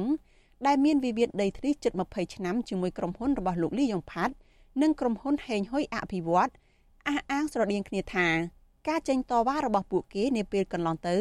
គឺពុំមែនដើម្បីបង្កើតព្រឹត្តិការណ៍ញុះញង់ដោយតឡាការចោតប្រកាន់នោះទេ ពួកគេថាគោលបំណងតែមួយគត់គឺដើម្បីឲ្យអាជ្ញាធរជួយពន្លឿនដោះស្រាយវិវាទដីធ្លីឲ្យបានសមរម្យជូនពួកគេ និយាយទាំងអួលដើមកប្រពន្ធសកម្មជនដីធ្លីកំពុងជាប់ឃុំលោកសុកជ័យគឺលោកស្រីប៉ែនខារស់នៅស្រុកស្រែអំបិលដែលមានវិវាទដីធ្លីជាមួយក្រុមហ៊ុនហេងហ៊ុយប្រាប់វិទ្យុអាស៊ីសេរីកាលពីថ្ងៃទី31ខែកក្កដាថាបច្ចុប្បន្នលោកស្រីនិងពលរដ្ឋ196គ្រួសាររស់នៅទាំងត្រដរោគព្រឹកខ្វះល្ងាចគ្មានដីស្រែអាស្រ័យផលជាង10ឆ្នាំមកហើយខណៈដែលប្តីរបស់លោកស្រីក៏ជាប់ពន្ធនាគារអស់រយៈពេលជាង1ខែមកហើយដែរ ព្រោះតែចេញតវ៉ារកដំណោះស្រាយដីធ្លីនេះការប្រើប្រាស់ប្រព័ន្ធតុលាការគម្រាមកំហែងរបស់អាជ្ញាធរពាក់ព័ន្ធមកលើពលរដ្ឋត្រូវលោកស្រីប៉ែនខាមើលឃើញថាជាទង្វើមិនត្រឹមត្រូវហើយជាអំពើអយុត្តិធម៌គ្មានដំណាភាពមកលើពលរដ្ឋស្លូតត្រង់ខណៈដែលពលរដ្ឋស្ទើរតែដាច់ស្បៀងព្រោះគ្មានអ្វីបរិភោគប្រចាំថ្ងៃលោកស្រីថា ចំណែកអ្នកមានលុយមានអំណាចដើរច្បាមយកដីរបស់ពលរដ្ឋតាមតែអំពើចិត្តបែរជាគ្មានកំហុស កាន់តែលំបាកខ្លាំងហើយលោកគ្រូខ្ញុំមិនដឹងទៅរកសេរីបានទេដល់ថ្ងៃហ្នឹងព្រោះខ្ញុំអត់មានការងារធ្វើផងចំណាទៅទីនោះអល់ទូងគេមិនបានលុយឲ្យកូនរៀនបានប្តីខ្ញុំនៅគាត់បានដាក់លោបដាក់ម៉ងអីចឹងដល់ពេលអត់ប្តីអត់ហើយកាលពីថ្ងៃទី29ខែមិថុនាក្រុមសមត្ថកិច្ចខេត្តកោះកុងឃាត់ខ្លួនតំណាងពលរដ្ឋដែលមានទំនាស់ដីធ្លីចំនួន13នាក់បន្ទាប់ពីបានរារាំងឡានដឹកពួកគេដែលព្យាយាមធ្វើដំណើរឡើងទៅដាក់ញត្តិនៅក្រសួងយុតិធធក្នុងរាជធានីភ្នំពេញ ប៉ុន្តែក្នុងចំណោមអ្នកទាំង13អ្នកនោះតុលាការបានដោះលែង4អ្នកវិញឲ្យនៅក្រៅឃុំជាមួយនឹងលក្ខខណ្ឌដ៏តឹងរឹងពីតុលាការចំណែក9អ្នកទៀតត្រូវបញ្ជូនទៅឃុំខ្លួននៅពន្ធនាគារព្រែកស្វាយខេត្តកោះកុងរហូតមកដល់ពេលនេះគឺជាង1ខែហើយនៅក្រោមបទចោទញុះញង់ឲ្យប្រព្រឹត្តបទឧក្រិដ្ឋជាអាត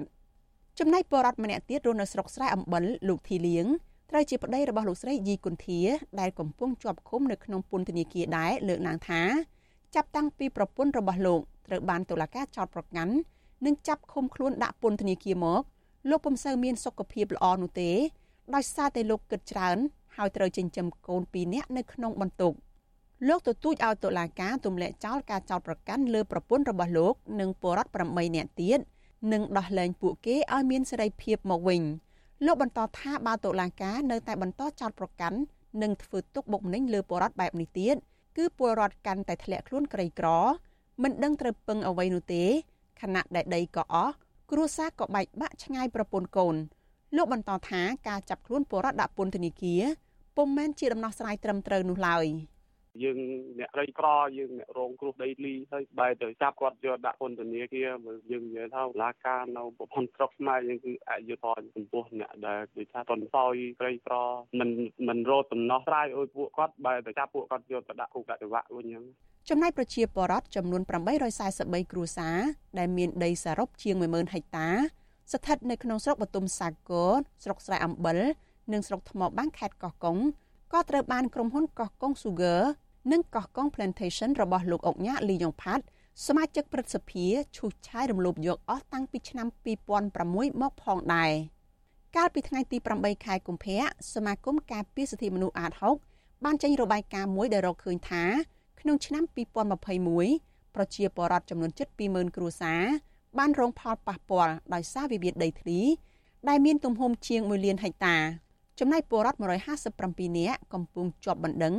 ក្រោមការត្រួតពិនិត្យតាមផ្លូវតុលាការខណៈជនរងគ្រោះ17នាក់ទៀតកំពុងជាប់ឃុំបណ្ដោះអាសន្នក្នុងពន្ធនាគារដោយសារការតវ៉ាទាមទារដីធ្លីរបស់ខ្លួនតំណាងពលរដ្ឋ843គ្រួសាររស់នៅស្រុកបទុមសាគរលោកយឹមសផានដែលកំពុងជាប់បណ្ដឹងនៅតុលាការខេត្តកោះកុងជាង1ឆ្នាំក្រោយពីលោកបានចេញតវ៉ាដីធ្លីប្រឆាំងនឹងក្រុមហ៊ុនលីយ៉ុងផាត់លោកលើកឡើងថាការមិនអើពើពីសុកទុករបស់ពលរដ្ឋហើយបន្តធ្វើទុកបុកម្នេញ ពីសំណាក់អាជ្ញាធរពាក់ព័ន្ធជាហោហែមកនេះគឺបង្ហាញពីអសមត្ថភាពរបស់អាជ្ញាធរនិងរដ្ឋាភិបាលក្នុងការដោះស្រាយវិវាទដីធ្លី។ ទី1ទៅនៅពេលខាងបងសូមឲ្យរាជរដ្ឋាភិបាលអាណត្តិថ្មីដែលនាយករដ្ឋមន្ត្រីថ្មីលើកលែងការចោទប្រកាន់ដល់សហគមន៍ដីធ្លីទាំងអស់នឹងទី1ទី2សូមឲ្យបានដោះស្រាយដីធ្លីឲ្យពួកខ្ញុំដោយតាមការស្នើសូមដាក់លិខិតជូនដែលពុំគុំចុះហត្ថលេខាទួលសល់ដូចជាក្នុងស្លាកបាត់ព័ត៌មានអីចឹងណាវិទ្យុអាស៊ីសេរីមិនអាចតកតអ្នកនាំពាក្យសាលាដំបងខេត្តកោះកុងលោកស៊ូសវណ្ណារា និងអ្នកនាំពាក្យក្រសួងយុតិធធ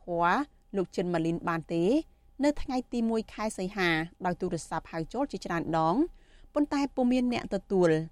ជុំវិញរឿងនេះប្រធានសមាគមការពារសិទ្ធិមនុស្សអាតហុកលោកនេះសុខាប្រាប់វិទ្យុអាស៊ីសេរីថាករណីអាញាធរខេត្តកោះកុងប្រើប្រាស់ប្រព័ន្ធតុលាការដើម្បីដោះស្រាយវិវាទដីធ្លីនេះគឺជាការបង្ហាញពីការអនុវត្តច្បាប់ដោយពុំមានដំណាភាពនិងយុត្តិធម៌លោកបន្តថាវិធានការនេះបង្កនៅគំរូអាក្រក់នៅក្នុងសង្គមលោកថា ការយកតុលាការជារនាំងបើគ្រាន់តែដើម្បីការពារអ្នកមានលុយមានអំណាចទង្វើនេះនឹងធ្វើឲ្យពលរដ្ឋអស់ជំនឿលើប្រព័ន្ធយុត្តិធម៌ ពិសេសគឺតឡាការគួរតែពិនិត្យមើលឡើងវិញចំពោះដើមចមនៃបញ្ហាជៀសវាងយើងប្រើប្រាស់នៅប្រព័ន្ធយុតិធធប្រព័ន្ធតឡាការនេះក្នុងការដែលទៅដាក់ទោសទណ្ឌគាត់នេះគឺជារឿងអយុត្តិធម៌កាន់តែធ្ងន់ធ្ងរបាទហើយដែលយើងជាប្រទេសដែលប្រកាន់នៅលទ្ធិប្រជាធិបតេយ្យប្រជាពលរដ្ឋបញ្ចេញមតិប្រជាពលរដ្ឋស្នើឲ្យរដ្ឋាភិបាលឲ្យរដ្ឋាភិបាលដោះស្រាយបញ្ហាទុកកង្វល់របស់ពួកគាត់បែរជាទៅជាជាប់ចោតពីបទផ្សេងផ្សេងទៅវិញអានេះវាជារឿងអយុត្តិធម៌ណាស់បាទ តកតងនឹងវិវាទដីធ្លីនៅខេត្តកោះកុងនេះក្រុមអង្គការសង្គមស៊ីវិលកាលពីថ្ងៃទី6ខែកក្កដាបានចាត់ទុកការប្រើប្រាស់ប្រព័ន្ធតុលាការរបស់អាជ្ញាធរនៅក្នុងខេត្តកោះកុងដើម្បីចោទប្រកាន់ពលរដ្ឋពីបទញុះញង់ឲ្យប្រព្រឹត្តបទឧក្រិដ្ឋជាអាតធ្វើឡើងដោយគ្មានមូលដ្ឋានច្បាប់ច្បាស់លាស់ដែលដើរផ្ទុយនឹងរដ្ឋធម្មនុញ្ញនិងច្បាប់អន្តរជាតិជាក់ស្ដែងកាលពីថ្ងៃទី29ខែមិថុនាអាជ្ញាធរខេត្តកោះកុងបានប្រើប្រព័ន្ធតុលាការឃាត់ខ្លួនសកម្មជនដីធ្លីចំនួន13នាក់ មកពីសហគមន៍ចំនួន3នៅក្នុងខេត្តកោះកុងពីបទញុះញង់ឲ្យប្រព្រឹត្តបទឧក្រិដ្ឋជាអាតក្រោយពីពួកគាត់បានចេញតវ៉ានិងដាក់ញត្តិនៅរាជធានីភ្នំពេញសេចក្តីថ្លែងការណ៍ដដែលសង្កត់ធ្ងន់ថាពលរដ្ឋទាំងនោះមិនបានប្រព្រឹត្តកំហុសឆ្គងអ្វីនោះទេ ពួកគេគ្រាន់តែលើកឡើងពីទុកកង្វល់និងសម្ដែងមតិដោយអហិង្សាស្របតាមច្បាប់ដើម្បីការពារដីធ្លីនិងសមាជិកសហគមន៍របស់ពួកគេតែប៉ុណ្ណោះមន្ត្រីសង្គមស៊ីវិលនិងពលរដ្ឋ ស្នើឲ្យអាជ្ញាធរដោះស្រាយបញ្ហាដីធ្លីឲ្យបានត្រឹមត្រូវទម្លាក់ចោលការចោទប្រកាន់និងដោះលែងពលរដ្ឋឲ្យមានសេរីភាពឡើងវិញដោយឥតលក្ខខណ្ឌបើពុំដូច្នោះទេពលរដ្ឋកាន់តែជួបការលំបាកគ្មានចំណូលចិញ្ចឹមជីវិតព្រោះបាត់បង់ដីធ្លីអាស្រ័យផលនាងខ្ញុំសុជីវី With Shu Azizi Serai ពីរដ្ឋធានី Washington thank you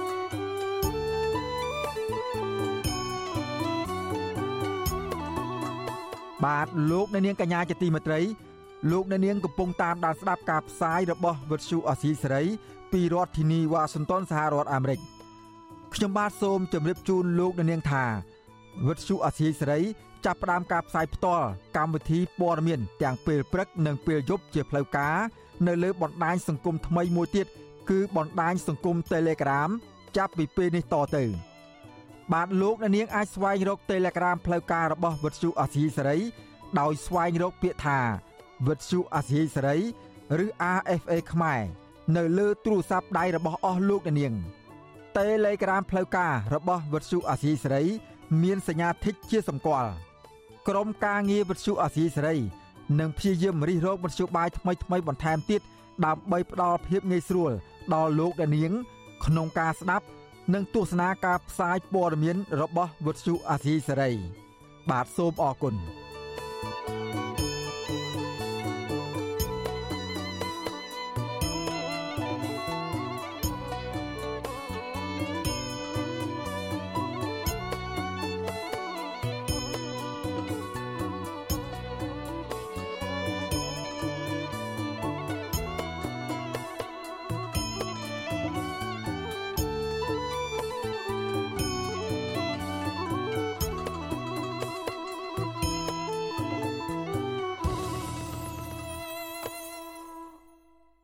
បាទលោកអ្នកនាងកញ្ញាជាទីមេត្រីការកសាងទំនប់វារីអគ្គិសនីតាមដងទន្លេសេសានចំនួន6នៅក្នុងប្រទេសវៀតណាមជាបន្តបន្ទាប់តាំងពីទសវត្សរ៍90មកទល់នឹងពេលនេះបង្កឲ្យមានផលប៉ះពាល់ធ្ងន់ធ្ងរដល់ប្រជាពលរដ្ឋយ៉ាងហោចណាស់10ភូមិដែលរស់នៅគៀកព្រំដែនកម្ពុជាវៀតណាមក្នុងខេត្តរតនគិរីអ្នកភូមិទាំងនោះបានបង្ខំចិត្តផ្លាស់ប្ដូរទីលំនៅទៅកាន់ទីទួលមានសុវត្ថិភាពដោយសារទឹកជន់លិចផ្ទះសម្បែងនិងផលដំណាំពួកគាត់ញឹកញាប់ នៅពេលភៀកគីវៀតណាមបើកទ្វារទឹកទំនប់វារីអគ្គិសនីម្ដងម្ដង បាទសូមស្ដាប់សេចក្តីរាយការណ៍របស់លោកជាតិចំណាន អំពីរឿងនេះដូចតទៅមកដល់ពេលនេះគ្រោះមហន្តរាយទឹកជំនន់នៅមិនទាន់ធូរស្រាលនៅឡើយទេពលរដ្ឋរស់នៅខេត្តភៀកអេសានប្រទេសកម្ពុជា ជាច្រើនភូមិនៅតែព្រួយបារម្ភពីការខូចខាតទ្រព្យសម្បត្តិផលដំណាំនិងសត្វចិញ្ចឹមដោយសារតែទឹកជំនន់ហក់ឡើងលឿនពេកត្រៀមខ្លួនមិនទាន់បូកផ្សំការប្រែប្រួលអាកាសធាតុ និងការបើកទ្វារទឹកទំនប់វារីអគ្គិសនីក្នុងប្រទេសវៀតណាមពលរដ្ឋនៅស្រុកអណ្ដូងមាសខេត្តរតនគិរីធ្លាប់លើកគ្នាតវ៉ានិងបានដាក់ញត្តិស្នើទៅរដ្ឋាភិបាលអន្តរាគមន៍ទៅអាជ្ញាធរវៀតណាមឲ្យទទួលខុសត្រូវរឿងនេះតែគ្មានបានផលនោះឡើយពលរដ្ឋរស់នៅស្រុកអណ្ដូងមាសលោករ៉ូម៉ាស់ទិញប្រាប់វិសុអេស៊ីស្រីនៅថ្ងៃទី1ខែសីហាថាពលរដ្ឋយ៉ាងហោចណាស់10ភូមិក្នុងឃុំញ៉ាងស្រុកអណ្ដូងមាសរស់នៅឯបមាត់ទន្លេសេសាន តាំងពីដូនតារៀងមក បង្ខំចិត្តផ្លាស់ប្ដូរភូមិ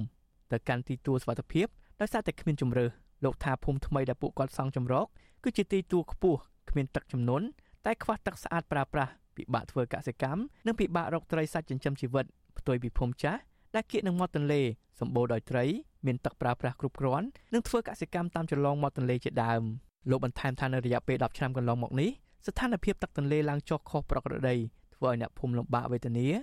ពេលខ្លះទឹកហក់ឡើងលឿនដោយដឹកជញ្ជូនសម្ភារៈនិងសត្វចិញ្ចឹមមិនទាន់ ធ្វើឲ្យខូចខាតទ្រព្យសម្បត្តិនិងថវិកាជាច្រើនអូគេបិទទឹកនឹងរីងហើយនៅសល់គឺថាចង់ដាច់មកមកកណាត់មកកណាត់ណាថាមកវិញឡើងមកវិញបានពីរថ្ងៃវាស្រក់មកវិញទៀតស្រក់បានមួយថ្ងៃពីរថ្ងៃវាឡើងមកវិញអញ្ចឹងអញ្ចឹងមិនមែនមកពីទឹកភ្លៀងទេគឺមកពីសមុទ្រហ្នឹងហ្មងនេះប្រមូលយកត្រីហ្នឹងដល់ពេលទឹកវាឡើងទៅត្រីហ្នឹងវាមិនអស់វាមិនសល់តិចដល់ពេលសល់តិចរោត្រីវិញបានដាក់មកដាក់អីវិញបានដែរឡើយ ស្ថានភាពទឹកទន្លេសេសាននិងទន្លេស្រែពកនៅតែបន្តហក់ឡើងយ៉ាងលឿនចាប់តាំងពីចុងខែកក្កដាមកដល់ពេលនេះបណ្ដាលឲ្យជនលិចតំបន់ទំនាបមួយចំនួនក្នុងស្រុកចំនួន6ក្នុងខេត្តរតនគិរីដែលបង្កឲ្យប៉ះពាល់ដល់ស្រូវកសិកម្មរបស់ពលរដ្ឋដែលជិតប្រមូលផលអស់ជាច្រើនហិកតាគ្រោះមហន្តរាយនេះកើតឡើងដោយសារតែភាគីវៀតណាមបានបើកបង្ហូរទ្វារទឹកទំនប់វារីអគ្គិសនីចំនួន2នៅផ្នែកខាងលើនៃទន្លេសេសាន និងទន្លេស្រែពករួមផ្សំនឹងទឹកភ្លៀងបន្តពូនជ្រុំរីឯអាជ្ញាធរនៅមិនទាន់មានតួលេខ ដែលបង្ហាញពីទំហំនៃផលប៉ះពាល់ដែលបណ្ដាលមកពីគ្រោះមហន្តរាយនេះនៅឡើយទេ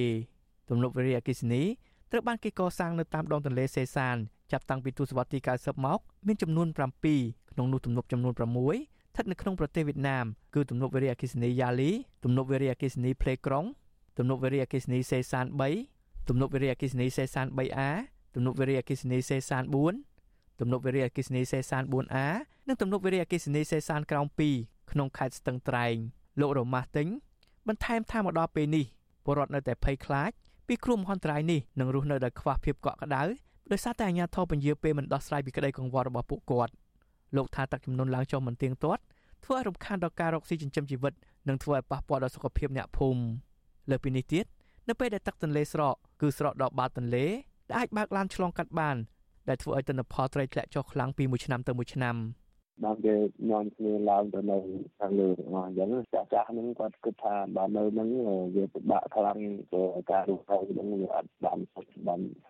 ស្រួលហ្នឹងបានគាត់ឡើងទៅនៅនៅទីទួលហើយទឹកវាលិចរហូតយើងបាទបើមិនលិចផ្ទះលេខស្បែងក៏លេខចកាលេខស្រែលេខប្រមាណដែលយើងធ្វើនេះខាង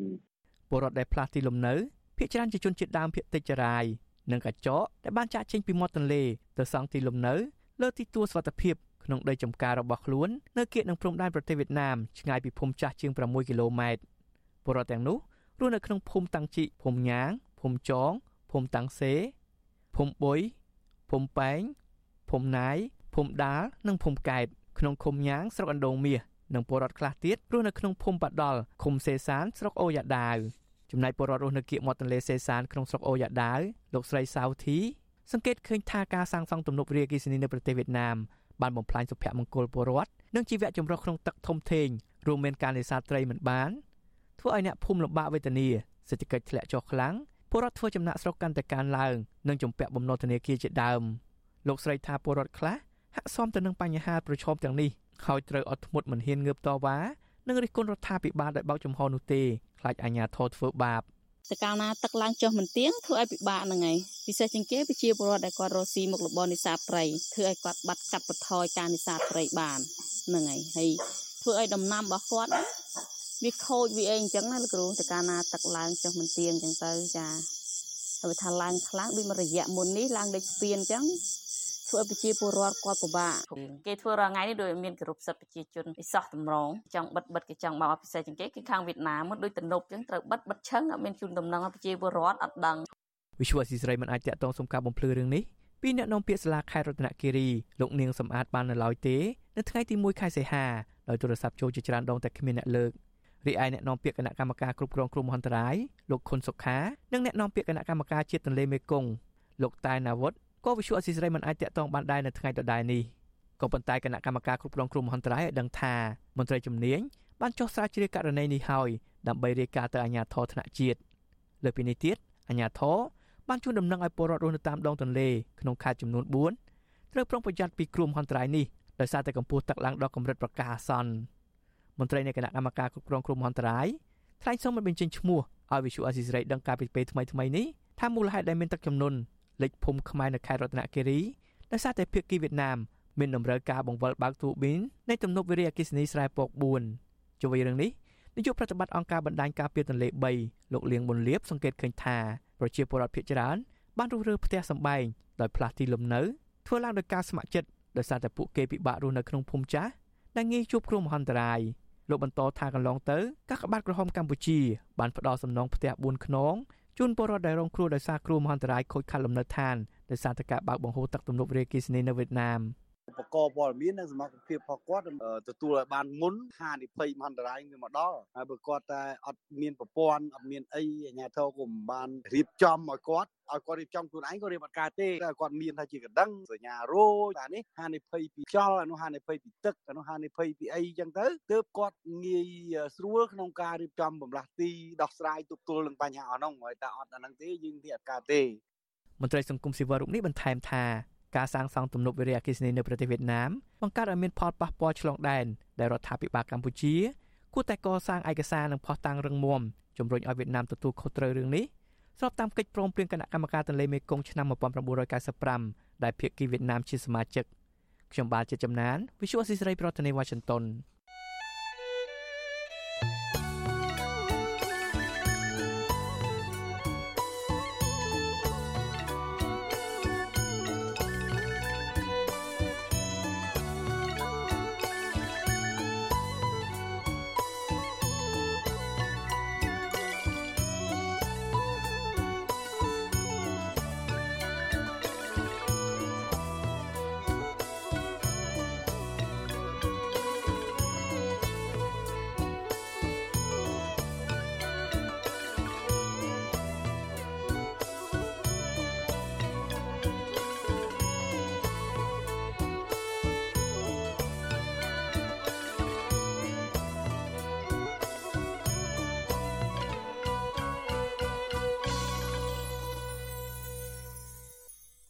បាទលោកនាងកញ្ញាជាទីមេត្រីកម្មវិធីផ្សាយរយៈពេល1ម៉ោងរបស់វិទ្យុអសីសេរីសម្រាប់ព្រឹកនេះចប់តែប៉ុណ្ណេះសូមលោកនាងរងចាំស្ដាប់ការផ្សាយផ្ទាល់របស់វិទ្យុអសីសេរីសម្រាប់យប់នេះជាបន្តទៀតកុំបីខានបាទយើងខ្ញុំសូមថ្លែងអរគុណយ៉ាងជ្រាលជ្រៅចំពោះអស់លោកនាងដែលនៅតែមានភក្ដីភាពតាមដានស្ដាប់ការផ្សាយរបស់វិទ្យុអសីសេរីតាំងពីដើមរហូតមកទល់នឹងពេលនេះ យើងខ្ញុំសូមប្រសិទ្ធពរជ័យដល់អស់លោកនាងឲ្យជួបប្រកបតែនឹងសេចក្តីសុខចម្រើនរុងរឿងកំបីគ្លៀងគ្លាឡើយខ្ញុំបាទសេកបណ្ឌិតព្រមទាំងក្រុមការងារទាំងអស់របស់វិទ្យុអាស៊ីសេរីសូមអរគុណនិងសូមជម្រាបលា